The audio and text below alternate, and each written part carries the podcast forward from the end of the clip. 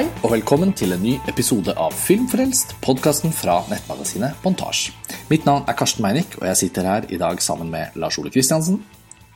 Hei, Karsten. Hei, Lars Ole. Og I denne episoden skal vi snakke om den finske filmregissøren Aki Kerismekis 'Skygger i paradis'. Hans tredje spillefilm som ble laget i 1986, og som i disse dager er aktualisert gjennom visninger på de digitale cinematekene rundt om i Norge, men også aktualisert av at Aki Kyrusmikki har sin nye film, 'Den andre siden av håpet', på norske kinoer. Eh, den hadde jo premiere på Berlinalen tidligere i år. Og hva skal vi si, Lars Ole? Det er på en måte litt sånn at Kaurismäki er kanskje litt trendy igjen.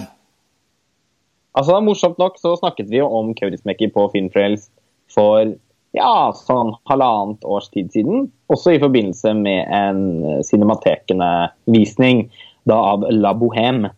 Og eh, da tror jeg vi konkluderte med at Kaurismäki kanskje hadde gått litt eh, av, eller forsvunnet litt vekk fra radaren. Ja. Fordi Og det var veldig lenge siden han hadde kommet med en ny film, og i det hele tatt så føltes det liksom ikke som om Kaurismäki helt var en del av samtalen lenger. Men nå er han, som du sier, tilbake. Ja, det var jo litt med vilje at jeg trakk det inn, fordi eh, den gangen så, så kom jo den den cinematekvisningen kom litt sånn ut av det blå. Den var jo ikke kontekstualisert av en sånn øvrig Kaurismäki-trend, eller at han hadde noe nytt på gang. Altså, Vi visste jo at han skulle i gang med et nytt prosjekt, men man, man har kanskje ikke helt følt at han har laget sine beste filmer. Kanskje 'Mannen uten minne' var den forrige filmen som folk har veldig sånn følt at var et, et storverk. da. Um, så da var det jo naturlig å påpeke, og vi trakk også inn det at 90-tallslisten kom og gikk uten at vi klarte å få inn en Kaurismäki-film av forskjellige årsaker. Det snakker vi om i den podkasten. Men, men, nå er det helt annerledes. Og, og, da jeg så den andre siden av håpet på Berlinalen, så ble jeg jo faktisk utrolig positivt overrasket. Den nye filmen hans, kan jeg også bare nevne kort, da, er veldig, veldig bra. Den går fortsatt på norske kinoer, og, og derfor er det jo ekstra hyggelig da, at, at de Sånn som Cinemateket i Oslo har i tillegg en, en stor retrospektiv hvor de viser tror jeg, åtte Kaurismäki-filmer. Og, og, da denne nå på digitale cinematek det blir liksom sånn, Da blir det jo en trend litt, da. Og så er det jo noe med at Kaurismäki lager film på en måte som veldig få kontemporære filmskapere gjør. Så Derfor føles jo også det uttrykket hans, som er så spesifikt, det føles jo også veldig kult på en eller annen måte når du ikke har sett det på en stund. Ja, det, det gjør jo det. Og Um, nå har han for, Mottagelsen for den nye filmen har vært så god. Altså, eh, som du sier, altså, du opplevde den som en positiv overraskelse. Det er sikkert noen som vil si seg uenig i at det var en overraskelse, fordi La Havre var også en veldig anerkjent film. Men eh, jeg husker jo at vi så den på nytt igjen i forbindelse med La Bohème. Mm, mm, mm. eh, og ingen av oss var helt i skyene over den da vi så den første gang. Nei, nei, nettopp. Og var egentlig ikke det andre gang heller. Eh, det er noe med at Kaurismäki også har han har rendyrket et veldig sånn spesifikt univers i så mange filmer at han også alltid vil stå sånn litt i fare for å Altså, det er ikke eh, noe galt Altså, Når det er snakk om han, så vil det aldri være en innvending at han repeterer seg selv, for det er på en måte det han holder på med. Mm. Eh, han sitter og spikker på det samme trestykket i film etter film etter film. Og det er noe som er veldig fint med Kaurismäki, og som jeg tror de fleste som liker Kaurismäki eh, ja, er veldig glad for. Og, og, og, ønsker seg når han lager en ny film, på en måte. Nettopp. ikke sant? Det ville vært veldig mm. skuffende hvis han forlot stilen sin. Så det kunne vært veldig interessant, selvfølgelig, å sett eh, han bryte ut av de rammene han har snekret for seg selv, men det kommer jo aldri til å skje. Han er sannsynligvis ikke nødvendigvis kapabel til det heller. Jeg tror han kan først og fremst det han gjør. Ja, og nå har han jo sagt at han uh, har laget sin siste film. Mm. Uh, det har han sagt før òg, så det er ikke sikkert at det stemmer. Han er jo overraskende ung. Man tenker at Kaurismäki er eldre enn 60. Det tenker i hvert fall jeg. Mm. Uh, morsomt er også å se han i, i filmen vi snart skal snakke om. Mm. Som en bartender. Ja, eller hotellresepsjonist. Ja, hotellresepsjonist er det, ja. Nettopp. Ja. ja. Og han ser jo så ung ut, mm. og det er helt utrolig å se den filmen og tenke at det er en så ung person som har lagd den. For den er så marinert i innrøkt, uh, uh, fordrukket livserfaring ja. at eh, ja, det er egentlig helt skrullete. Men han, jo, han ser jo også selv, fordi han har røkt og drukket, særlig drukket, tror jeg, så ekstremt mye, så ser jo også Kaurismäki ja, noen ganger han har liksom lenge sett eldre ut enn det han egentlig er. er man, har man først bikket 60 og sånn, så er det jo veldig individuelt eh, hvor eh, gammel man ser Altså, der er folk veldig forskjellige. Men eh, jeg kan liksom ikke huske For å si det sånn, jeg kan ikke huske at Kaurismäki så ut som han var i 40-årene. Eh, for da 'Mannen uten minne' hadde premiere. Nei. Nei, nei det, er, det er jo så rart med han. Han ser veldig gammel ut. Han virker, ja, han virker som han, som du sier, han virker som han lager film som en gammel mann da han var ung. Nettopp. Så han er en sånn gammel sjel. Eh, Var det en gang en, gammel, en ung kropp, Ja. nå i en stadig eldre kropp. Ja. Han har sagt at han ikke skal lage noe mer film. La av følte både du og jeg at kanskje ikke helt lyktes med å an, liksom ehm, Kanskje er, altså, Den filmen er, den føles relevant fordi den har en sånn politisk klangbunn og, uh, og, og, og sånn. Uh, men den var kanskje mest av alt en sånn å flytte Kaurismäki-universet igjen til Frankrike. Mm. Og, uh, uten å helt kanskje lykkes med å bevege det i noen som helst ny form for retning. Og det har han lyktes med mange ganger før, i 'Mannen uten minne' f.eks. Som, eh, som jeg også er enig med deg står som liksom det siste storverket hans. Pinlig nok har jeg jo da jeg fortsatt ikke sett den andre siden av håpet. Eh, ingen grunn til det, eh, fordi jeg har hatt forferdelig lyst til å se den. Jeg, det var en helt spesifikk grunn til at jeg ikke fikk sett den eh, under Berlinalen. Vi gikk på hver vår film, og jeg klarte ikke å få billetter til den etterpå. rett og Nei, slett. Den var- den var veldig hot title, rett og slett. Den var skikkelig hot, ja. Ja. Det litt om den eh, Altså, det understreker denne renessansen. Ja, Det sier litt om at Berlinalen ikke var det, den hotteste utgaven heller. Da. Det var derfor jeg mente overraskende egentlig i stad. Altså at det var ikke nødvendigvis enda en Kaurismäki-film jeg trodde skulle bli høydepunktet i Berlin. Men på mange måter så endte jeg jo opp med å føle at det var virkelig en av de filmene som traff meg mest i hjertet Ja. da, underveis på festivalen. Så Det var nok derfor Det også den ble så populær eh, blant festivalgjengerne. At alle søkte seg mot en film som bare var bra. Ja, ja, det er Det holdt. sånn eh, ja, ja, sånn er det noen ganger. Og jeg gleder meg veldig til å se den. Ja. Ja. fantastisk fin. Eh, kan anbefale Igor Devolds eh, omtale av den på montasje Mm. eh, så lenge. Men altså Skygger i paradis. Ja. Det er jo litt sånn den absolutte Kaurismäki-urfilmen. Nå har ikke jeg sett de to han lagde forut for den.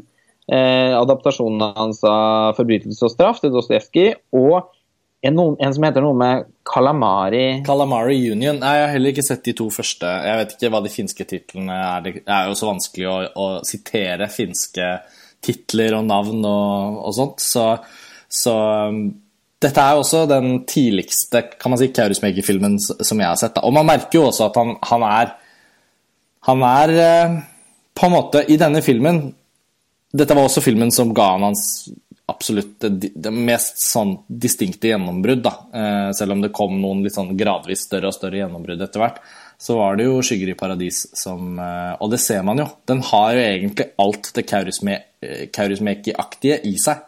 Det er nesten så den er oppskriften på mange måter. Um, ja, ja, men den må jo Den er det. Altså, det er her hvor alt liksom blir etablert. Og ikke minst den første filmen, hvor Matti Pellampe og Katti Ottinen, hans to favorittskuespillere, møtes for Ja, første gang. Og, og, Katti Kati hun lever jo fortsatt. Eh, Matti Pellampe dessverre døde jo i 1995, så han rakk jo bare å spille i da en gruppe filmer fra Riktignok den viktigste kanskje perioden i Kaurismäkis karriere. Eh, fra Ja, andre halvdel av avslutter med det- 80-tallet og inn mot midten av 90-tallet.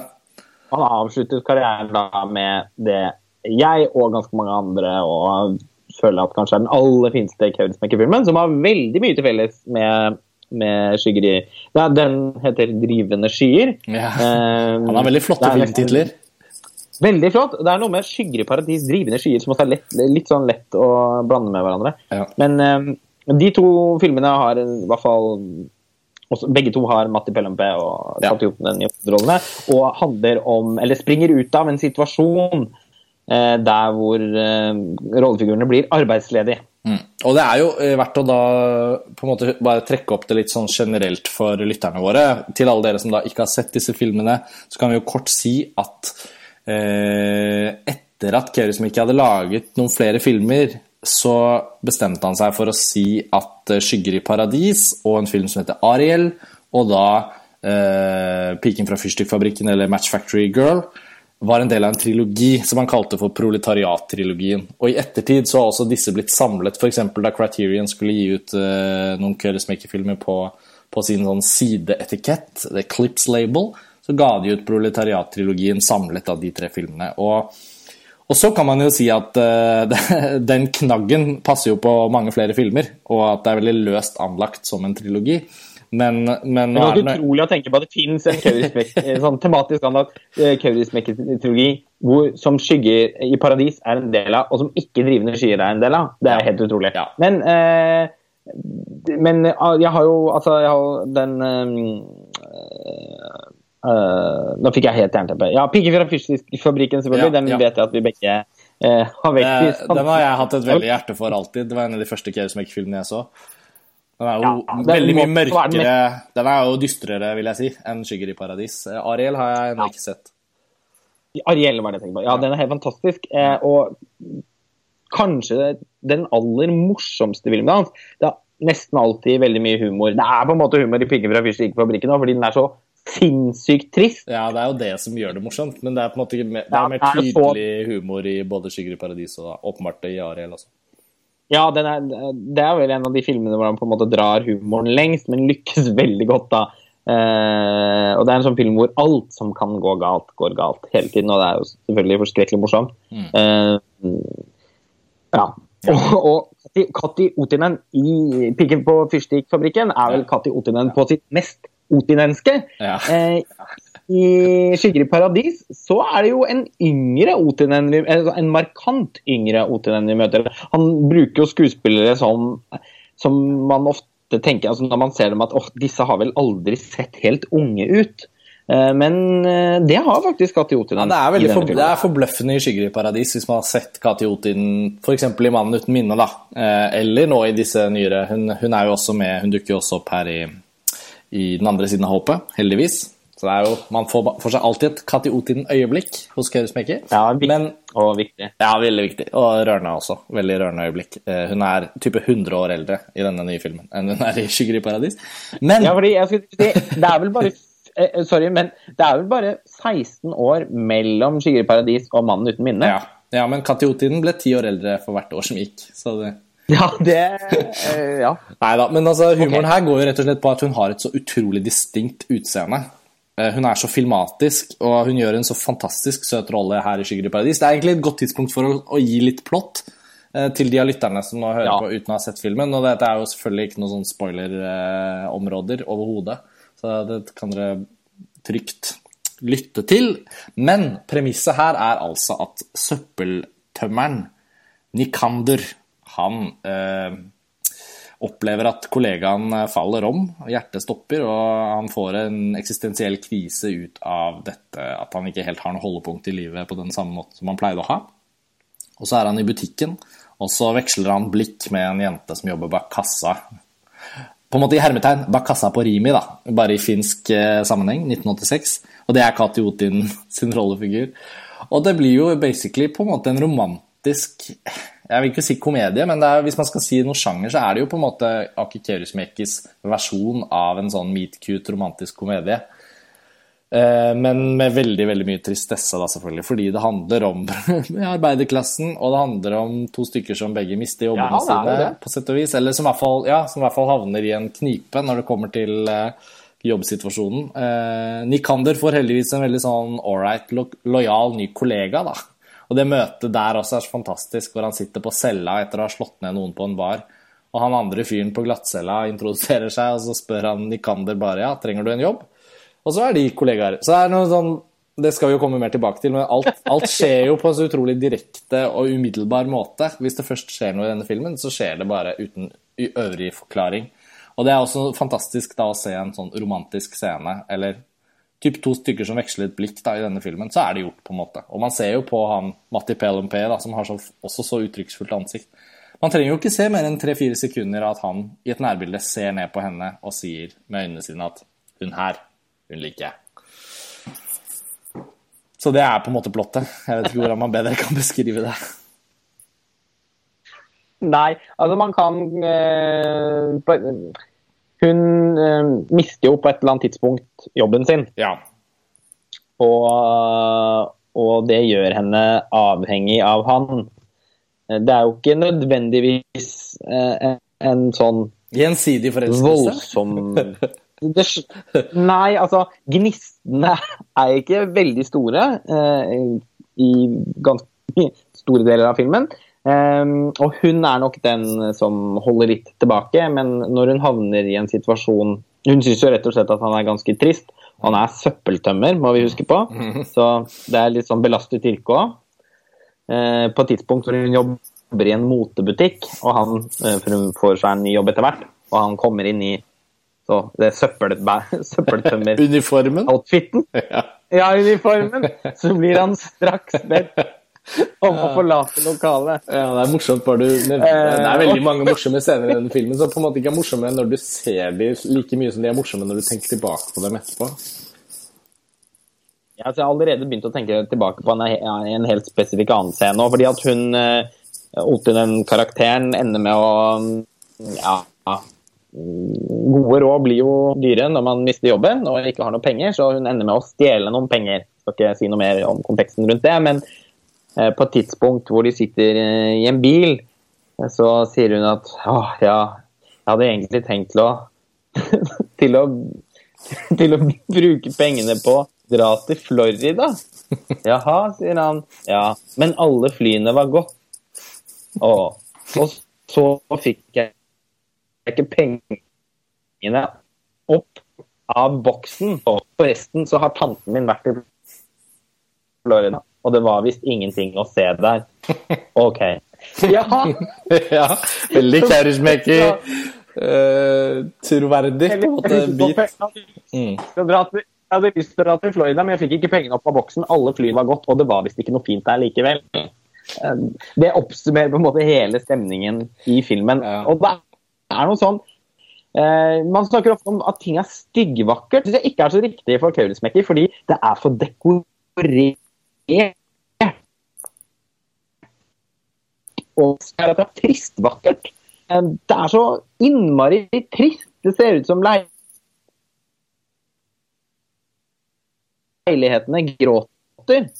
Eh, Det ser ut som menneskene aldri har smakt mat. Eh, det er på en måte en sånn eh, men, men samtidig så er det noe, noe veldig vakkert òg. Jeg tenkte på de leilighetene og sånn som de bor i, som jo er veldig triste. Mm, mm. Det er noe sånn utrolig som òg. Gamle treverket, gamle dørene. Jeg tenkte, Herregud, du hadde vel betalt fire millioner for en sånn i Oslo i dag? Ja, altså Humoren er jo selvfølgelig Men- det. at hvis, hvis du hadde gått inn i en sånn leilighet uh, i dag i Oslo typ sånn for å kjøpe deg bolig, så ville jo liksom Ja. Den Oh Det tristvakre ville jo økt taksten med 500 000 alene. Ja, tenk så mye vi kan gjøre her. Ja. Ja, men, ja, men det er jo det er, det er snakk om tidsbilder, og det er et tidsbilde, for filmen foregår jo på 80-tallet. Og, eh, og handler jo på en måte om da de som ikke er med på den store kjøpefesten, som vi jo gjerne forbinder 80-tallet med i dag. Og, eh, og han har jo på karakteristisk vis en litt sånn tegneserieaktig måte å skildre sosiale utfordringer på. Det meste av fortellingen ligger i bildene. Det er veldig, veldig og, og, og det er få replikker, veldig lakonisk. Bare et blikk er nok, på en måte. Handlingen eh, Selv om man aldri på noe Altså, jeg har vel aldri tenkt at en Kaurismäki-film bykser framover. Um, Men den er veldig effektivt klippet og fortalt. Altså, det er jo ikke sånn at han dveler ved sånne helt sånne eh, stemninger det det, er- og sånn. Det er jo fyker av gårde på en eller annen merkelig måte. Ja, men det er det. Altså, det, er jo ikke, liksom, det er jo ikke noe slow cinema. Nei. Det er jo veldig på moten eh, i festivalfilmen. Ja. Eh, så når vi snakket om i den forrige podkasten at Kaurismäki ikke var så, kanskje ikke var så på moten lenger, så handler jo rett og slett det også fremstår som sjelden filmskaper. Det han gjør, er så unikt. Og, og det er jo uhyre Selv om måte, filmene har et sånn langsomt toneleie, så Mm. fyker de jo Eller så er det jo veldig effektiv historiefortelling hele veien. Ja, altså, 'Skygger i paradis' jeg, jeg, husker jeg sendte deg en melding og sa sånn Den er jo beundringsverdig kort. Den er jo bare 74 minutter. Og så, og så har jeg nå i forkant av podkasten sjekket jeg hva er det cinematekene fører opp som varighet, egentlig, og der står det 78. Og da kunne jo du med humor svare at uh, da du satt og så på den, så fulgte du med på spilletiden òg. Hvor lang er egentlig filmen? Den var 68 minutter. Fra, fra DVD-en din? Ja. ja så, så, la oss kalle det en 70 minutter lang film, da. Uansett hvor lenge den varer på, i de forskjellige formatene eller visningsforholdene. Så er det jo helt sånn ja, og det er, altså, det er så forfriskende. Det er jo virkelig en trend at alle kinofilmer er så sinnssykt lange. Mm. Eh, men han utnytter jo de 70 minuttene veldig godt, da. Og det er jo fordi historien bykser hele tiden framover. Mm. Eh, og det er ikke noe sånn han er ikke så opptatt av at det skal være sånn, helt sånn autentiske årsak-virkningsforhold. Nei, det kan man si. Det er ikke så farlig for, nei, det er ikke så farlig for Så, men det, i det ligger også veldig mye av den underfundige humoren som, eh, som man forbinder med han. Og det, det er noe sånn, jeg vet ikke Det derre korthogde stilen Nesten sånn haiku-aktige stilen hans, mm. den Jeg vet ikke, jeg syns den nesten er vanskelig å liksom helt sammenligne med noen andre, men han, det at han perfeksjonerer den fortellerstilen og det veldig spesifikke sånn universet hans i film etter film etter film, gjør jo at, veldig, at filmene hans blir veldig like. I hvert fall de aller fleste av dem. Det var vi jo litt inne på i stad. Ja. Og sånn sett så kan han jo minne en del om egentlig Yasuiro Ozu. Det kan jeg ikke huske om vi kom inn på i den forrige podkasten, men Nei. Ozu er jo virkelig den filmskaperen som er av alle filmskapere som i omtrent i hele filmhistorien, som er mest kjent for å ha øh, Og det er veldig japansk, da, selvfølgelig, mm. det å sitte og og, og perfeksjonere og pusse og spikke på noe igjen og igjen og igjen til man føler at det blir helt perfekt. Og da eh, Han fortalte jo nesten den samme liksom, grunnhistorien Nei, ikke hver gang, men eh, det var jo særlig én sånn narrativ som han var utrolig interessert i. Mm. Og utforsket igjen og igjen og igjen, med små variasjoner. Og i et visuelt univers som var svært likt Eh, men som bar preg av at det hele tiden, film for film, ble litt mer kondensert. Mm. Så når man ser liksom uh, Late Spring opp mot uh, An Autumn Afternoon, den siste filmen hans, så ser man jo faktisk at Late Spring nesten fremstår litt sånn løs i snippen i sammenligning. ja, det er morsomt. Men det er morsomt. Ja, hadde gjort det i munnen sin, fordi løs i snippen er ikke akkurat noe som passer til å Pass på nå, altså, plutselig så står det på omslaget til en norsk fysisk formatutgivelse av Ozu. Løs i snippen, Lars Ole Kristiansen. ja, nei, men, men, men sammenligningen er interessant, og den er ganske god, fordi jeg tror også for de som kjenner begge disse filmskaperne, så vil man jo også være, være i stand til å si det samme om Kaurismäki. Og jeg kan si det bare om den nyeste filmen hans, da, 'Den andre siden av håpet'. Eh, hvis man ja. ser på hvordan Kaurismäki f.eks. i 'Skygger i paradis' da. Det er 31 år mellom de to filmene. I 'Skygger i paradis' så er vi i Helsinki, og det er eh, på en eller annen måte så er det veldig viktig for Keresmeki at karakterenes for, deres forhold til eh, deres jobb, på en måte Altså, Har man jobb, har man ikke jobb? Hvis man ikke har jobb, hva slags jobb leter man etter? Hva kan jobben gi? Eh, og selv om i, i 'Skygger i paradis' så er det romantisk, eh, et romantisk møte, på en måte, som er med å drive handlingen fremover, men, men det er så mange situasjoner, selv om de er veldig korte, som vever inn en klassetematikk. Plutselig skal han på, ta henne med på fin restaurant. Og, hva, og, og, kommer de inn på denne restauranten? Og så returnerer vi til dette motivet når hun har uh, gått med denne sjefen på, for, på motebutikken. og så er det, så, det er mange ting som, som, veves inn i hverandre og svarer på hverandre for å, for å si noe mer tematisk, men veldig effektivt, da, gjennom bilder, valg av locations, altså klassereise, som ikke er helt en reise, men sånn, du smaker på forholdene mellom arbeiderklassen og liksom kjøpe Altså 80-talls jappekultur, hvis man kan si det sånn. Og så i den andre siden av håpet, som er da årets Kaurismäki-film, så har, forsøker han jo virkelig, og meget grundig, syns jeg, prøve å si noe interessant og noe nytt om mm. situasjonen til flyktninger i Europa. Men han beholder jo den eksakt samme Kaurismäki-lignende inngangen til hvordan mennesker bare forholder seg til livene sine. Så flyktningen som er i sentrum for historien, som er en syrisk flyktning i den filmen, han sier jo bare at han egentlig prøvde å komme seg til et annet land, men ved en tilfeldighet havnet i Finland. Og han var ikke så hypp på å være i Finland nødvendigvis. Og illusjonen til europeere er at alle flyktninger drømmer om å når flyktninger har kommet til Norge, så er det å, de vil bare til Norge, de vil ødelegge landet vårt, de vil spise oss opp innenfra. Det er ikke alle som vil til Norge nødvendigvis. Det er ikke sånn at det iskalde landet oppe i Skandinavia hvor det ikke fins mennesker, det er det liksom drømmen. Og det er så fantastisk i den andre siden av håpet da, at han da fokuserer veldig på at liksom, ja, men så er det en som viser et godhjertet eh, Og så er det inn og få seg en jobb, og så er det å skjule dem i, på kjøkkenet på restauranten. Og så er det kunder som kommer inn og ut, og så plutselig så kjenner man seg igjen. Så tenker jeg sånn, det er nesten den samme filmen, det òg. Men han klarer jo på en måte å bruke premisset sitt til å på en måte bare uh, Ikke fortelle på en måte det samme Altså, det er jo noe nytt, men det filmiske og hele hans toneleie er jo egentlig bare det samme. Og som vi sa i starten, man vil jo ikke at Kaurismäki nødvendigvis skal gjøre noe annet når han lager en ny film. Men det herlige med denne nye filmen er at all den varmen og all den veldig, veldig sånn mellommenneskelige godheten, den blir på en eller annen måte veldig troverdig når den finner sted i et litt sånn melankolsk og um, ikke spesielt glorifisert univers, da. Det er ikke sånn at Kaurismäki viser en sånn trist uh, Helsinki-restaurant og sier at dette er den beste maten i verden. Han sier jo ikke det. Men han sier Nei. at dette kan være et ganske ålreit sted å jobbe hvis du er flyktning. Nei, han sier at det er den beste maten i Finland. ja, ja, det er det han sier.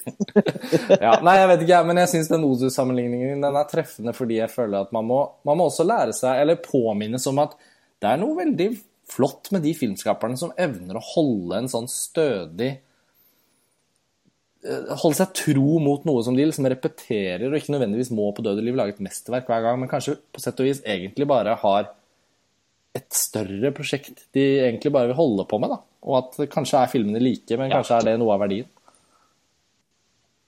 Som på en måte da blir mer et slags filosofisk prosjekt. Ja, nettopp. Og um, Roy Andersson melder seg også som en som uh, Ja, med en helt sånn jo, jo. helt spesiell form for uh, uh, nitidighet i Ja, han er ja, ikke like produktiv, kan si. Også på en måte Nei, det kan man trygt si.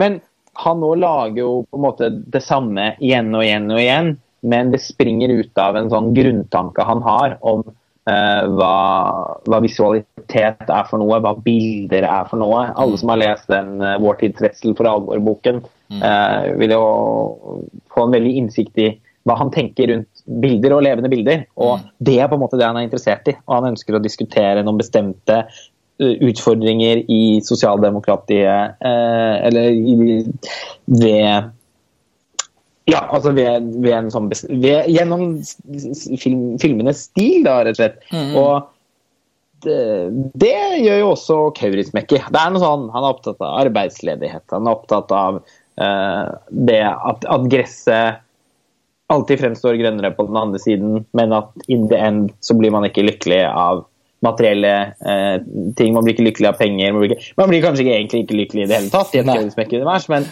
man blir i hvert fall lykkeligere av av én øl til og noen å snakke med. Ja, en, uh, det er veldig presist, og det er egentlig nok, på en måte. Og det føler jeg at 'Skygger i paradis' veldig er en film om. Ja. Eh, du trakk jo fram den scenen der hun drømmer seg bort til Florida for et øyeblikk, men også kansellerer drømmen i løpet av samme replikkveksling. Ja, det, da er det jo kort, uten, å, uten, å sette, uten, å, si hva slags scene filmen slutter med, da, så syns jeg det er noe sånn utrolig fascinerende over hva, måte, hva det hele konkluderes med, på sett og vis. Da blir man også veldig sånn Ja, ja, men det man trenger ikke reise lenger, for å si det sånn. det er ikke reise lenger enn til Stalin. ja, nei, ikke sant. Og det, det, er veldig rørende. Og um, jeg vet ikke hva man skal si. Altså, jeg vil jo Det er vel en åpenbar tone her oss imellom om at dette er en film man har veldig lett for å anbefale. Ikke bare varer den bare 70 minutter. sånn at man skulle jo, man skulle jo tenke at kun, du kan jo se to Kaurismäki-filmer på en kveld, og likevel er ikke naboen din ferdig med The Avengers Age of Ultron, på en måte. Um, Nei. Men Men, men uh, hva, hva, tror du altså, Hvis, hvis Kaurismäki ikke har laget sin siste film og skal fortsette med det altså sånn, Det vil jo på en måte fortsette å være det samme inntil han er ferdig. Det er jo ikke noe annet han kan liksom begynne med. Nei, men, ja, men altså, han, han, er opptatt av hva som skjer i samfunnet. Det er og, men han har alltid reflektert det. Og Le Havre og den nye, åpenbart, mm. springer jo veldig tydelig ut av den tiden vi er i nå. Mm. Um, akkurat som den 'Skygger i paradis' gjør det på 80-tallet. Mm. På midten av 80-tallet. Så uh, jeg, tenker jo egentlig at så lenge samfunnet vårt fortsetter å bukte oss i nye retninger, Mm. eller uh, bli verre eller bedre, jeg vet ikke, så, så vil nok alltid Kaurismäki ha noe, uh, noe materiale å fòre på en måte grunnfortellingene sine med. Og, og, og som kan passe inn i hans, han, i hans uh, ja, Mm. Mm. Jo. det var bildverden. Ja. Eh, og den har jo også på en måte, den er jo veldig tidløs. Det har det nesten alltid vært. 'Skygger i paradis' er en av de filmene hvor jeg føler at han leker minst, eller flørter minst med 50-tallet. Mm. Og americana, det er jo ikke så veldig Når de er på kino der og hun ikke dukker opp, så er det jo The Good and the Bad and the Ugly istedenfor eh, noe litt mer sånn 50s amerikansk På en måte. Ja, og eh, altså jeg tror vel nesten ikke det var Det er mulig det er en jukebox å se eh, på et par av de stedene hvor de røyker og drikker, men Ja. eh, det er ikke noen Den mangler en jukebox-scene. Ja. Den, nei, men altså, den 50-tallsflørten eh, som, eh, som han er, som han er Den tar jo veldig av når han den først tar av. Jeg ikke Med hele den Ja. Ja. Leningrad ja, det er det, og det er det veldig mye av i 'Mann uten minne', f.eks. Ja, veldig. det er det jo ikke ja, den, den føles jo faktisk veldig sånn 80-talls. Eh, det syns jeg var veldig Aller mest kaurismäkisk, men også liksom tilstrekkelig 80-talls eh, til at eh, Jeg syns at det ga eh, filmen en litt sånn spesiell farge innad i filmografien hans, da. Mm. Jeg bare kom vi har jo snakket, det, det blir jo Det er bare så gøy med disse referansene, men vi skal ikke holde- bruke så altfor mye mer tid på det. Men jeg tenkte, kom bare slo meg nå Jim Jarmers husker jeg vi snakket om i den forrige podkasten. Mm. Fordi han er jo veldig stor fan av Kaurismäki. Mm. Eh, og har jo basically laget sin egen Kaurismaker-film i Night on Earth Ja, absolutt. med Matti Pellempe. Eh, så, og de har ganske mye til felles. Og når Jarmers også gjør de der urfilmene sine Han har jo gjort ganske mye forskjellig etter hvert, men eh, sånn som Paterson, som, som er fantastisk fin, som hadde premiere i Cannes i fjor, den, den er jo virkelig en sånn ur-ur-Jarmers-film. Eh, film. Eh, Film. Jarmers-film. Ja. og minner eh, og, og har noen sånne trekk da, som kanskje kan som minner litt om Kaurismäki. Jeg tenker, jeg tenkte også jeg så, når vi satt og så den her i dag, at den, altså 'Skygger i paradis', at det er noe sånn altså Darden-brødrene òg Ja. har en sånn De gjør også litt, litt sånn det samme hver gang, ja. men, eh, men veldig ty men, men at de liksom De finner noe i tiden, og så har de en bestemt formel som de plasserer den eh, ideen inn i. Og så kultiveres den der, og blir ganske lik forrige film, men med en liten sånn forskyvning. Og så ser man en ganske stor forskyvning fra Rosetta til eh, To dager i en natt, eller den siste Mm. filmen, Mm. som dessverre ikke Men likevel så virker det som om de bare jobber med å forfine en, en spesiell teknikk. Mm. En fortellerteknikk og en bestett for å si noe om, om, om verden vi lever i. Og, uh, så sånn sett så føler jeg også egentlig at han har, selv om selvfølgelig uh, de etterstreber jo en, en helt annen type autentisitet, da, mens Kaurismäki er tegneserieaktig og karikert, og han tegner med liksom mye mer sånn markante, eller kunstige streker. Men eh, jeg bare, det bare slo meg i dag at jeg syns også det var noe sånn Darden-aktig over den over den samvitt... Eller sånn den eh, litt sånn kompromissløse empatien hans for mennesker som står litt utenfor. Ja, men jeg tror jeg, jeg synes det er sånn veldig samfunnet har presist, jeg. Jo, men hvis man evner å se bortenfor estetikk og det er sånn filmatisk stemme, da, og først og fremst se på hvem er det de velger å fortelle historier om, hva er det de historiene fra på en måte arbeiderklassen eh, sier om et større bilde, for det er veldig små historier som også Darden-brødrene alltid fokuserer på, og Kjøresmek er jo heller aldri noen stor sånn episk anlagt filmskaper. Så det er jo et morsomt eh, hva skal man si, sjelelig bånd på sett og vis mellom, mellom både det Kjøresmeki holder på med og Dardenne-brødrene. Og, og det ble jo da, nå ble jo Dardenne-brødrene også ditt tredje, eller vårt tredje eksempel her på filmskapere. Som, så kan man si at det er liksom en, en, en øvre eller et autørtrekk og sånn, men det er jo egentlig mer interessant å se på det der med å på en måte bare hakke og smi på den samme modellen hver gang og at det kan eh, ha en kvalitet i seg selv. Og ikke minst føler jeg at det har en kvalitet dersom man har et genuint samfunnsrelatert innhold i filmene sine i tillegg. For da, da, er det noe med at det du da velger å lage film om gang på gang, nødvendigvis ikke slutter å være aktuelt. da. På sett og vis så, så, så går det ikke så ut av tiden. Um, ja, fordi da blir det ikke likevel liksom sånn Det blir ikke hermetisk. Det er ikke sånn at kunsten blir kunstig. Eh, den, den føles jo liksom på en eller annen måte ja, nei, den opp, klarer da på den måten så føles den jo relevant mm. Eh, i, mm. over en lang Kan føles noe som er nesten Eller noe som mm, hver gang det dukker opp, ser ganske likt ut, kan likevel føles relevant hver gang det, hver gang det kommer. Ja. Og sånn er det litt med Køyresmekk i Og det føler jeg bare uten å ha sett den nye filmen. da, Veldig det, er veldig, det stemmer veldig for den nye filmen. Ja, det gjør det, det gjør det. Du trenger nesten ikke se den for å vite det. Egentlig er det en fin måte å oppsummere på, da. Eh, ja. Fordi vi snakker jo også om en film som retrospektivt hentes opp igjen og skal vises på cinematekene. Som igjen viser også at denne filmen fra 1986 på et eller annet vis har klart å få livets rett også i 2017. Så det, det slutter jo sirkelen litt. Eh, og det er også det vi har kommet litt inn på nå. Um, ja, hva tror du, Lars Ole? Det er ikke sikkert det er siste gang vi har snakket om en Kjøresmeker-film på Filmfrelst? Kanskje, Nei, altså, kanskje, blir dette vår utilsiktede Kjøresmeker-trilogi? Den første om La Vie de Bohème, og så denne om eh, Skygger i paradis. Og så får vi se. Kanskje det dukker opp enda en av Kjøresmeker-klassikerne som vi får lyst til å snakke om på Filmfrelst i fremtiden. Ja, altså det er egentlig Altså, det er alltid så Det er alltid så gøy å hjertevarmende og, og, liksom, og interessant å se sine filmer. Har innsynsverdi, og man, de kan liksom egentlig tas opp i hvilken som helst sammenheng. Jeg, jeg føler da at vi offisielt angrer på at vi ikke hadde en Kevin-Smekker-film på 90-tallslisten. Det kjenner jeg skikkelig på. Men, ja, eh, vi, vi, kom inn på det da for ett og et halvt år siden vi snakket om den forrige, og det har ikke blitt noe svakere følelse av det. Heldigvis så er det jo Så summer det jo eh, under overflaten at vi har begynt å tenke på en potensiell kåring av 1980-tallets 100 beste filmer. Så um, så eh, da det er, Og det er, også, det er, også, summet noen rykter om at vi skal lage en ny versjon av listen over 2000-tallets beste filmer.